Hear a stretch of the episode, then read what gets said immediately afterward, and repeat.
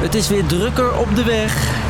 En het lekkere luieren aan het strand is ook echt voorbij. Jij weer aan de bak en zij. Vandaag is de eerste bijeenkomst na de zomer. Want ook de Tweede Kamer is weer terug van vakantie, maar zonder kabinet. En we hebben ons te verhouden tot wat er in de Kamer gebeurt. Nu het kabinet is gevallen, hebben Rutte en de andere ministers nog maar één echte taak. Eigenlijk om op de winkel te passen, eh, de lopende zaken af te handelen. Wat mag de politiek nog beslissen nu er verkiezingen aankomen? Dat zoek ik, Jasper, voor je uit. Lang verhaal kort. Een podcast van NOS op 3 en 3FM. 22 november. Die datum staat bij veel politici met dikke letters in de agenda. 132 dagen tot de verkiezingen, dus ja, je doet mee om te winnen. Maar tot die verkiezingen is het vorige kabinet nog gewoon aan het werk. Het kabinet is demissionair, maar dat mag natuurlijk niet betekenen dat we blijven stilstaan. Maar wat doet bijvoorbeeld Rutte nu eigenlijk, nu die officieel niet meer de premier is? Dat weet mijn collega in Den Haag, Roel Bosjes. De dingen die eh, daar echt urgent zijn, die komen op zijn pad terecht. En dat is ook wat hij moet doen. Maar hij moet ook terughoudender zijn in nieuw beleid maken. Zo is er de afgelopen weken wel gewoon druk gewerkt aan een nieuwe begroting. Er wordt heel goed doorgewerkt door geweldige ondersteuning van de ambtenaren van het ministerie van Financiën. Die plannen moesten er komen en konden niet wachten, vertelt Roel. Ja, de deadline is dat het eh, voordat het, het nieuwe jaar is eh, goedgekeurd moet worden. Elk jaar worden er begrotingen gemaakt voor het komende jaar, dus ook dit jaar. Met de begroting wachten op een nieuw kabinet, dat kan dus niet. En zo zijn er meer onderwerpen die niet even maanden op de plank kunnen blijven liggen.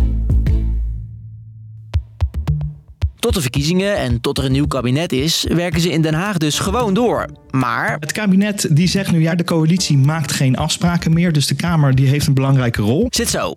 Alle plannen die de kabinetspartijen samen hadden, die zijn plots onzeker. Nou, die marges zijn natuurlijk smaller nu voor ons, want we zijn een demissionair kabinet. Want sommige onderwerpen zijn nu ineens controversieel. Welke onderwerpen er wel of niet behandeld worden, dat bepaalt de Tweede Kamer nu. Je hoort mijn collega Roel weer. Elke eh, commissie in de Tweede Kamer die gaat kijken welke eh, voorstellen liggen er nog, welk beleid komt er aan. Dan maken ze een hele grote lijst. En ook in de Eerste Kamer maken ze zo'n lijst met onderwerpen. Staat er iets op wat de meerderheid van de Kamer het stempel controversieel geeft, dan houdt het op en gaan de plannen de ijskast in. Het betekent dat er eigenlijk geen nieuwe voorstellen eh, gemaakt mogen worden. En in die ijskast, daar wil je als demissionaire minister na maanden hard werken niet in belanden. Klimaatverandering wacht natuurlijk niet eh, op de politiek of op verkiezingen. En dus werd er de afgelopen tijd flink gelobbyd. Wat uiteindelijk controversieel verklaard gaat worden, dat is echt aan de Kamer. Maar dit land verdraagt geen stilstand. eh, Zeker op de volkshuisvesting niet. Of deze plannen doorgaan, dat weten we nog niet. Voor andere onderwerpen is het een stuk duidelijker. De oorlog in Oekraïne bijvoorbeeld. En u weet, wij blijven Oekraïne helpen op alle mogelijke manieren. En zolang als dat nodig is. Vindt ook een meerderheid in de Tweede Kamer. En dat geldt ook voor eh, de afwikkeling van de aardbevingsschade in Groningen. Dat willen ze niet eh, op een lager pitje zetten.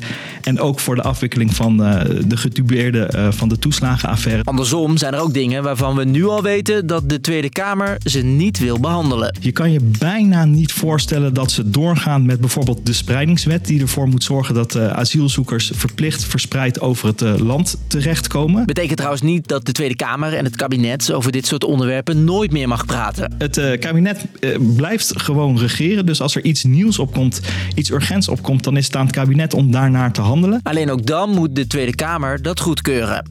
En een meerderheid halen, dat is volgens Roel nog niet zo makkelijk. Door de verkiezingen is het nu ieder voor zich. De partijen zijn in ieder geval aan het voorsorteren dat ze de echte campagne van de laatste eh, paar weken dat ze die goed in kunnen gaan en dat ze kunnen laten zien: kijk, hier staan wij voor. Dit is waarom je op ons moet stemmen. Dus, lang verhaal kort. De politiek is weer terug van vakantie, maar omdat het kabinet is gevallen, kunnen ze het niet overal over hebben.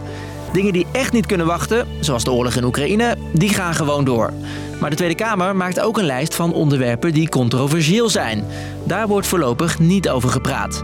En met de verkiezingen in aantocht is het ieder voor zich en de meerderheid van de Kamer beslist.